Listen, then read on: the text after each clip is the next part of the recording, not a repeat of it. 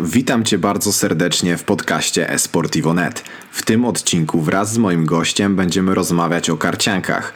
Będzie o Hearthstone'ie, nowym Magic the Gathering, artefakcie od firmy Valve, gwincie oraz innych grach, gdzie możesz posługiwać się kartami. W tych wszystkich tytułach ostatnio sporo się pozmieniało, więc podsumujemy te zmiany oraz spróbujemy prognozować, jak karcianki będą wyglądać w nadchodzącym roku. Jako, że rozmawiamy o karciankach, to postanowiłem zaprosić do rozmowy streamera, gracza i trenera Łukasza Szadeta Cicheckiego. Tego i innych odcinków podcasta eSportivo.net możesz posłuchać na naszym Facebooku, na platformach iTunes oraz Spotify. To tyle tytułem wstępu, nie będę więcej przedłużać i zapraszam do posłuchania naszej dzisiejszej rozmowy.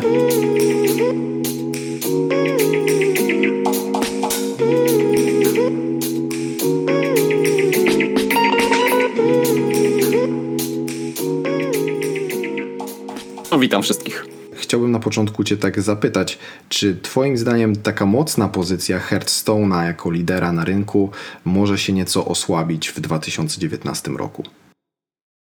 Myślę, że Hearthstone jest obecnie niekwestionowanym liderem na rynku karcianek mobilnych i nie zapowiada się, żeby cokolwiek mogło się w tej kwestii zmienić.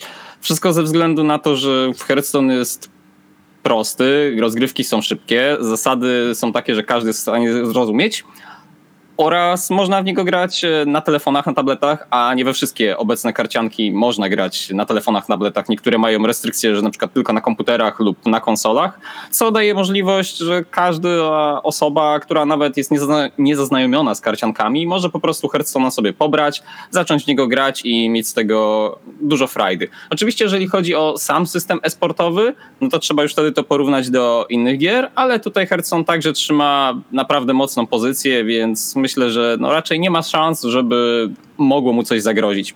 Mhm, czyli dla takich niedzielnych graczy e, Hearthstone, no właśnie ze względu na tą swoją łatwość, przyjemność, e, dostępność na wielu platformach, e, no pewnie z pozycji lidera nigdzie się nie ruszy w tym roku.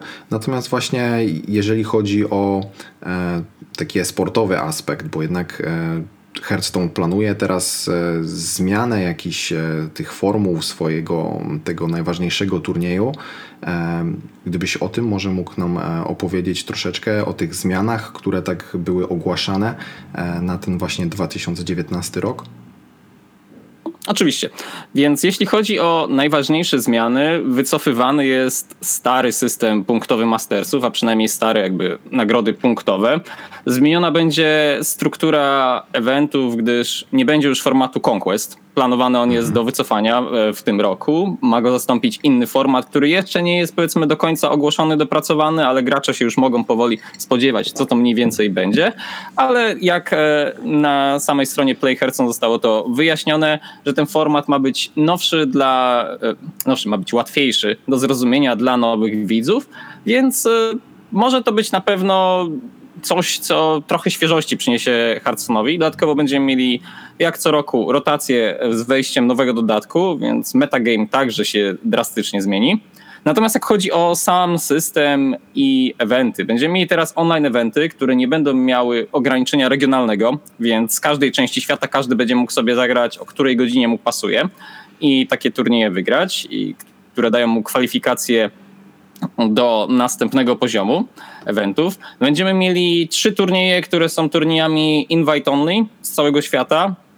Plus e, jest informacja, że jest więcej zaplanowanych na rok 2020. I w tych turniejach ma być 250 tysięcy dolarów e, pula nagród na każdy. To daje tak naprawdę dość sporo, no to jest 750 tysięcy już na same te trzy live eventy to jest dużo pieniędzy, więc jak najbardziej to jest ok, jeśli chodzi o graczy. A także będziemy mieli e, Premier Play, czyli jakby ten najwyższy poziom grania i e, jak on się do końca okaże, jak się rozwiąże, co on będzie zawierał w sobie, tego jeszcze się dowiemy. Nie znamy tak naprawdę wszystkich szczegółów, a wszystko to dlatego, że w tym roku, 2018, w przeciwieństwie do poprzednich lat, Hearthstone nie miał swoich e, jeszcze finałów Mistrzostw Świata, nazwijmy to, które zwykle odbywały się na Bliskonie. Tym razem mamy styczeń i dopiero odbywały się zimowe playoffy, a Mistrzostwa Świata 2018 odbędą się już wkrótce w Tajwanie. W ostatniej audycji, kiedy rozmawialiśmy jeszcze z Xeno, to pamiętam, e, że mm, padła taka kwestia, że Hearthstone e, planowali wprowadzić jakieś takie mm, stałe wynagrodzenie dla najlepszych graczy. Czy to jeszcze w ogóle mm, ten pomysł istnieje, czy oni się z tego wycofali? Właśnie to był ten system Hearthstone Masters i tak były plany i ten system miał działać jednak z 2019 uznali, że no ten system jednak e, nie będzie działał, będą go przerabiać na inny sposób, ale osoby, które osiągnęły już punkty w tamtym systemie, otrzymają inwajty na właśnie te live eventy, więc gracze, którzy uzyskali już jakby wcześniej nagrody, uzyskają e, w nowym systemie także benefity. Mhm. Ten system benefitów to wydaje mi się, że teraz też jest popularny w innych grach, bo też e, są zakontraktowani tacy najlepsi gracze, e, z tego co wiem, w artefakcie, że mają po prostu wypłacane stałe wynagrodzenia za starty e, w turniejach i streamowanie. I też podobny pomysł na promocję mają twórcy Magic the Gathering.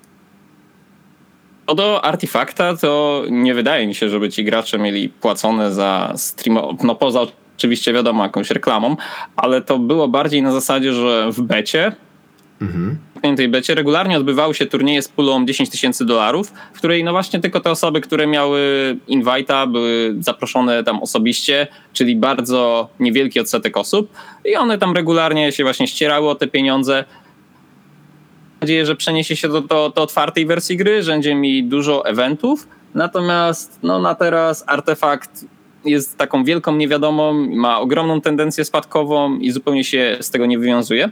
Natomiast jeśli chodzi o Magica, Magic w 2019 poszedł w stronę rozwijania MTG Areny. Będziemy także mieli Magic Pro League, która będzie zawierała 32 najlepszych graczy na świecie. W tym mamy także dwóch Polaków, jest to Grzegorz Kulich-Kowalski oraz Piotr Kanister-Głogowski, którzy znaleźli się właśnie wśród tej puli i będą oni ścierali się o nagrody.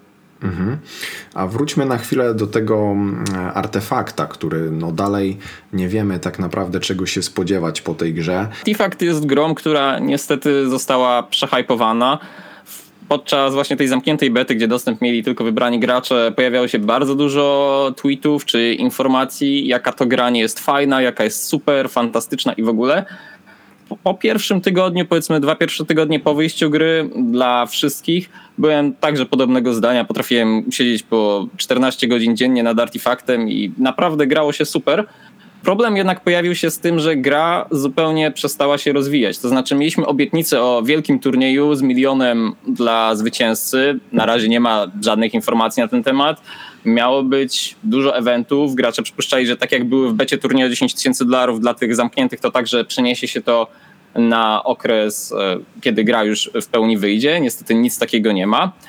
Nie ma także regularnej jakby serii eventów, nie, nie wiadomo nic o esportach oficjalnych w Artifakcie. Także w tym momencie bardzo wielu graczy po prostu zrezygnowało, ewentualnie zbudowało sobie kolekcję, bo w tym momencie cena kart także poleciała na łeb na szyję i są dość tanie.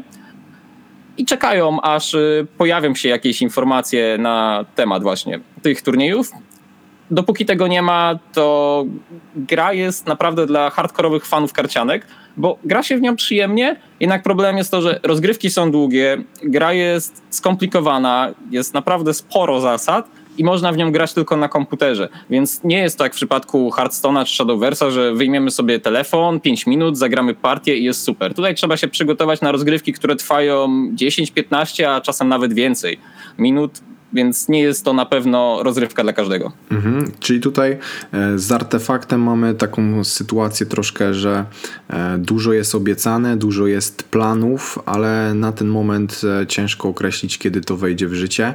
Tu jeszcze wydaje mi się, że kolejnym jakby no, czynnikiem, który też nie pozwala tak artefaktowi mocno wystrzelić, jest też cena, że jednak trzeba zapłacić za tą grę. Trochę tak. Na pewno cena była dużym czynnikiem na samym początku, gdyż karty były drogie. Legendarny Axe, który kosztował więcej niż sama gra na samym początku. Obecnie ceny poszczególnych kart są o wiele niższe. I działa to także w dwie strony, bo teraz tak, żeby kupić grę, ok, musimy wydać coś na start. Bo nie są to może jakieś chyba, ogromne... Prze, przepraszam, przerwę ci e, tak, żeby też słuchacze wiedzieli o czym, o jakich kwotach my mówimy, bo gra to z tego co widziałem kosztuje na ten moment 75 zł. Natomiast jak to wygląda właśnie z kartami? Racja, tak, tak. Żeby właśnie było jasne, no to gra kosztuje 75 zł, więc na przykład w porównaniu do gier, które kupujemy single player, nie wydaje się to jakaś ogromna kwota. Powiedzmy, że to jest taka w miarę normalna cena za grę. Kupując ją, dostajemy także paczki oraz bilety udział w turniejach, które są wbudowane w grze, a za levelowanie dostaniemy jeszcze trochę tych paczek i jeszcze trochę tych tiketów. Także sam zakup, powiedzmy cenowo, w miarę się zwraca, jeśli ktoś jest graczem przeciętnym lub po prostu dobrym. Problemem jest to, że cena kart spadła, więc w tym momencie, jeżeli ktoś by chciał zarabiać, powiedzmy grając, grając, grając dobrze i cały czas wygrywając, jest o wiele bardziej żmudna praca niż miesiąc temu.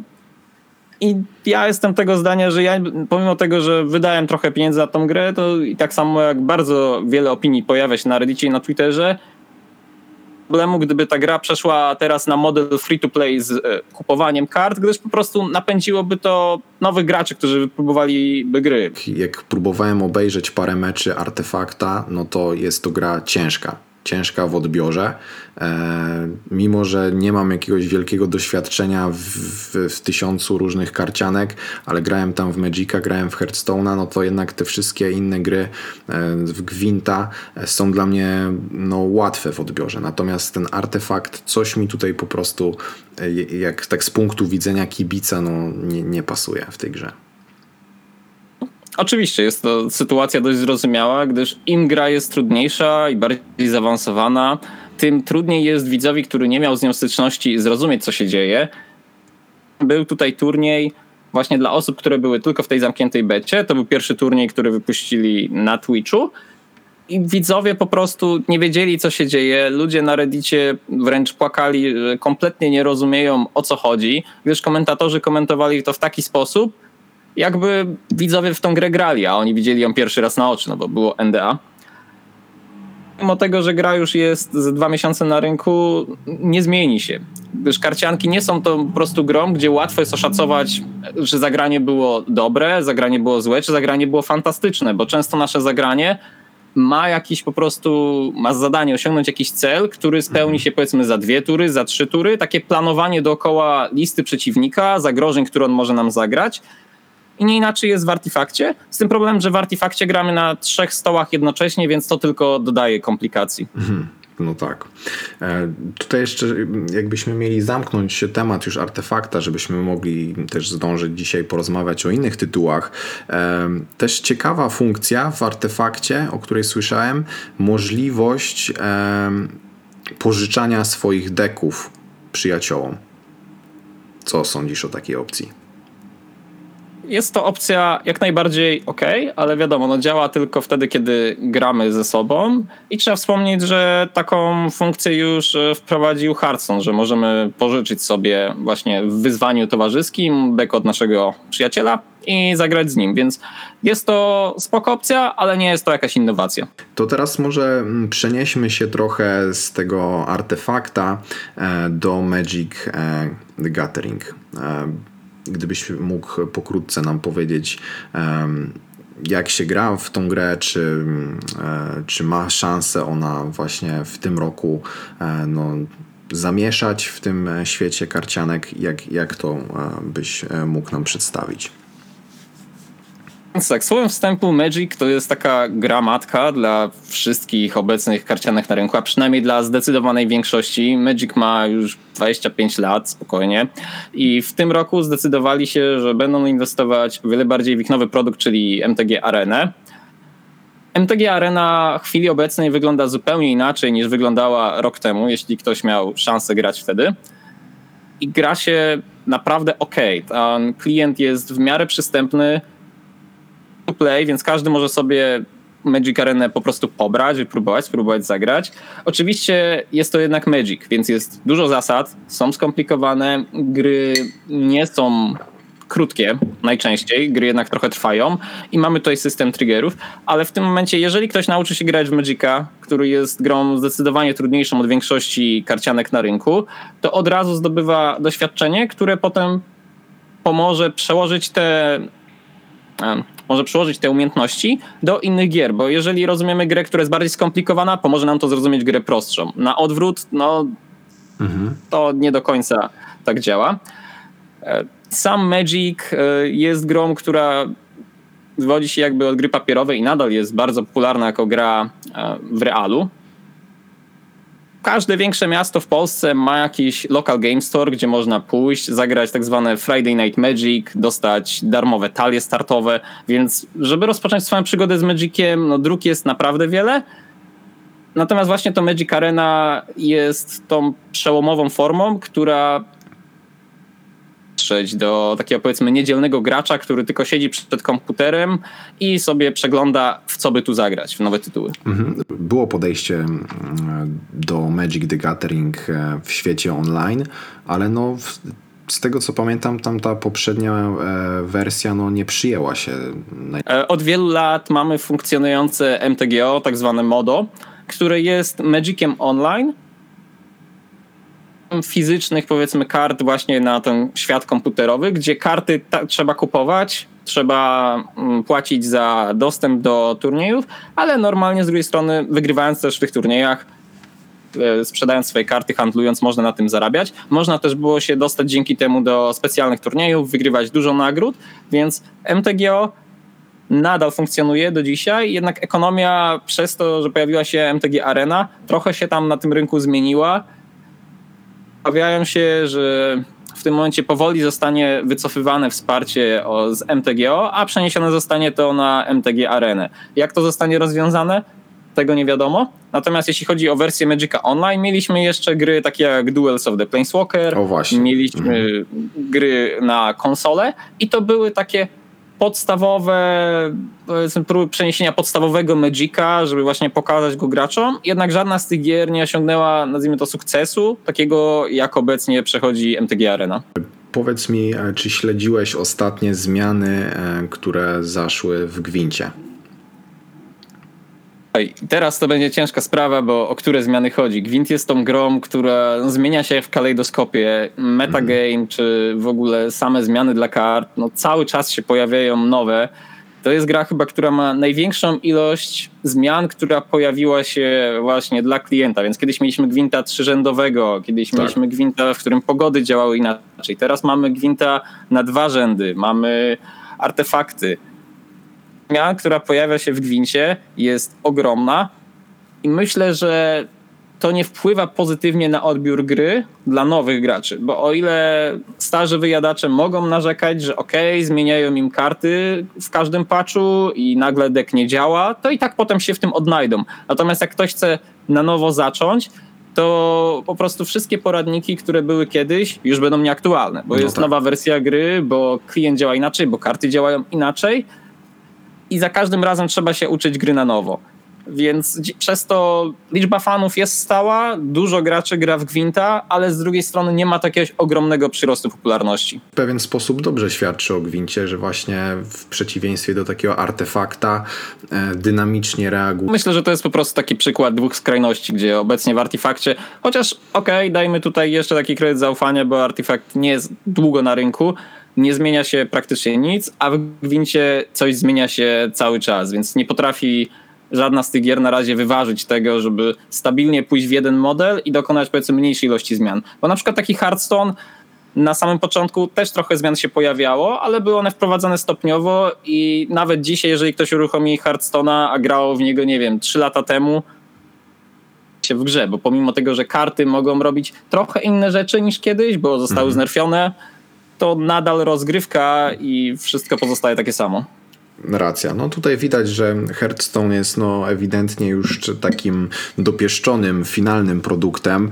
E, pięknie działa na e, mobilkach, pięknie działa na komputerze. Wszystko, no nie ma, nie ma też e, lagów, z problemów z, z siecią aż tak często, jak wydaje mi się było wcześniej, więc oni ewidentnie no, dopracowali ten swój produkt. Więc pogadaliśmy o Hearthstone, pogadaliśmy trochę o Magic the Gathering, artefakcie, gwincie, no to teraz myślę przejdziemy do perełki twojej, do twojego ulubionego tytułu e, Shadowverse. Jeśli chodzi o Shadowversa, to nadal jest to gra, która praktycznie całą swoją popularność i bazę graczy posiada w regionach azjatyckich, czyli to jest Japonia, Chiny, trochę Korea. Jeśli chodzi o samą Europę czy Stany Zjednoczone, no jest trochę mniej popularna. W Europie niestety spadła, przez co Europa otrzymała, a raczej zostało nam zabrany slot na Mistrzostwa Świata 1, więc Europa ma w tym roku dwa, a Stany Zjednoczone będą miały trzy. E, sama gra stabilnie powtarza to, co było w zeszłym roku, czyli ogłoszony został już cały esport circuit. E, będziemy mieli Mistrzostwa Świata w grudniu. Pierwsze miejsce znowu będzie miało co najmniej milion dolarów. Czyli to samo, co miało być w Artifakcie, tylko że o tym w Artifakcie nadal nic nie wiemy. tak. E, a system kwalifikacji jest e, dość klarowny, dostępny dla wszystkich. W tym momencie dla Europejczyków, mieszkańców Ameryki wygląda to w taki sposób. Mamy co miesiąc jeden duży turniej Open. Jest to Swiss plus CAD do Top 8, dwudniowy turniej. Zwycięzcy sześciu z tych turniejów od kwietnia do września będą e, polecą do Stanów Zjednoczonych i znowu w Los Angeles mierzyć turniej właśnie ośmioosobowym, specjalnym. Zwycięzca dostaje e, slota na Mistrzostwa Świata.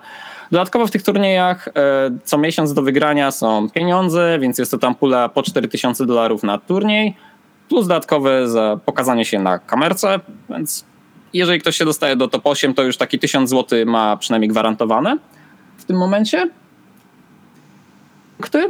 I osoba, która będzie miała tych punktów najwięcej na koniec roku w Europie dostaje bezpośrednie zaproszenie na Mistrzostwa Świata. W Stanach Zjednoczonych będą to dwie osoby, które mają najwięcej punktów. Sloty bezpośrednie są na trochę innych zasadach dla graczy z regionów azjatyckich, więc e, Japończycy mają swoje własne turnieje, swój własny system, Chińczycy mają także swoje własne zasady kwalifikacji, także ze względu na to, że mają innego klienta. Trochę restrykcyjnym krajem, więc e, no, dla zrozumiałe jest to, że zasady są tam trochę inne. Będą także turnieje Rage, które były tylko w Japonii. W tym roku wyjdą one poza Japonię. Na razie nie wiadomo jeszcze, w których krajach się to odbędzie, ale wiadomo, że finaliści także otrzymają slota na Mistrzostwo Świata. Tutaj warto dodać, że w zeszłym roku w tych turniejach Rage, które właśnie w Japonii się odbywały, była wręcz kolosalna frekwencja, no bo mała, mało która gra może się pochwalić, że na LAN przychodzi i gra ponad 6 tysięcy zawodników. To jest hmm. naprawdę no tak. dużo i... Jak na karciankę no, to jest e, no, naprawdę potężna liczba.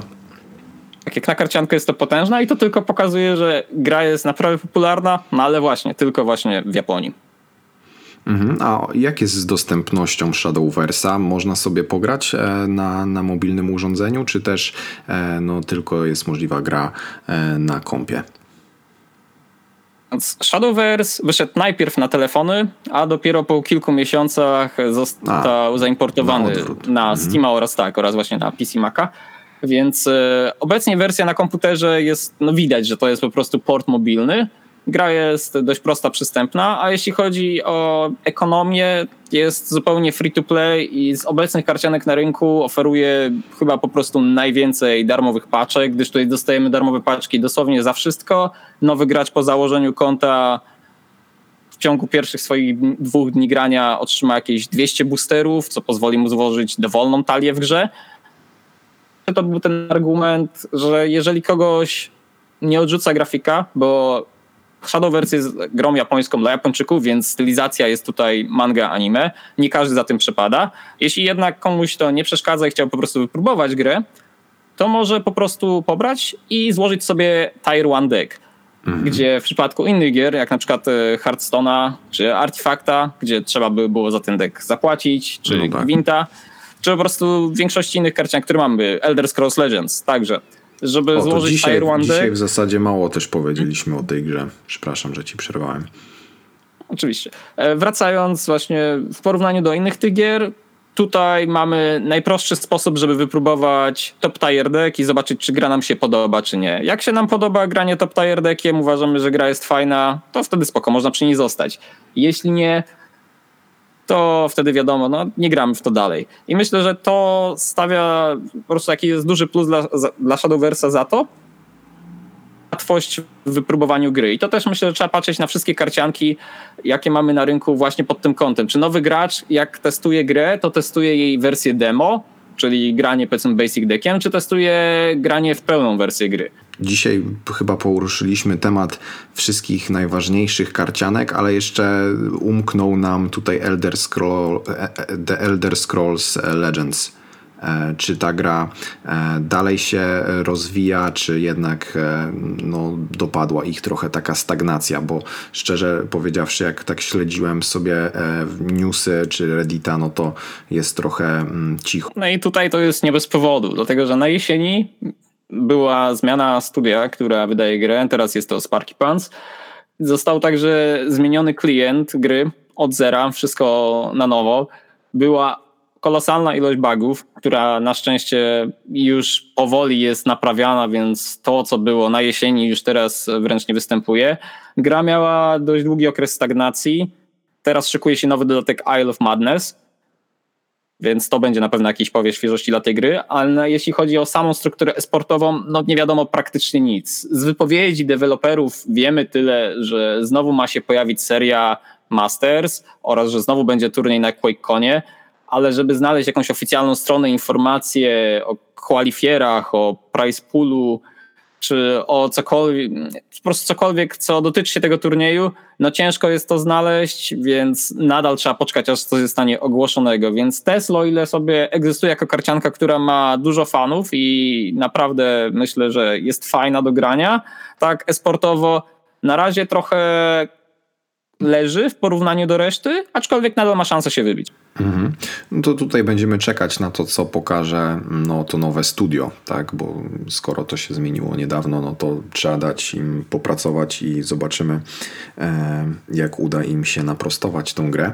E, tutaj już chciałbym zmierzać powoli do końca i zapytać się ciebie, e, jakich polskich graczy w tym roku myślisz, że będziemy mogli obserwować i kibicować, kto, kto może e, w tym sezonie tutaj e, zwojować z naszych rodaków?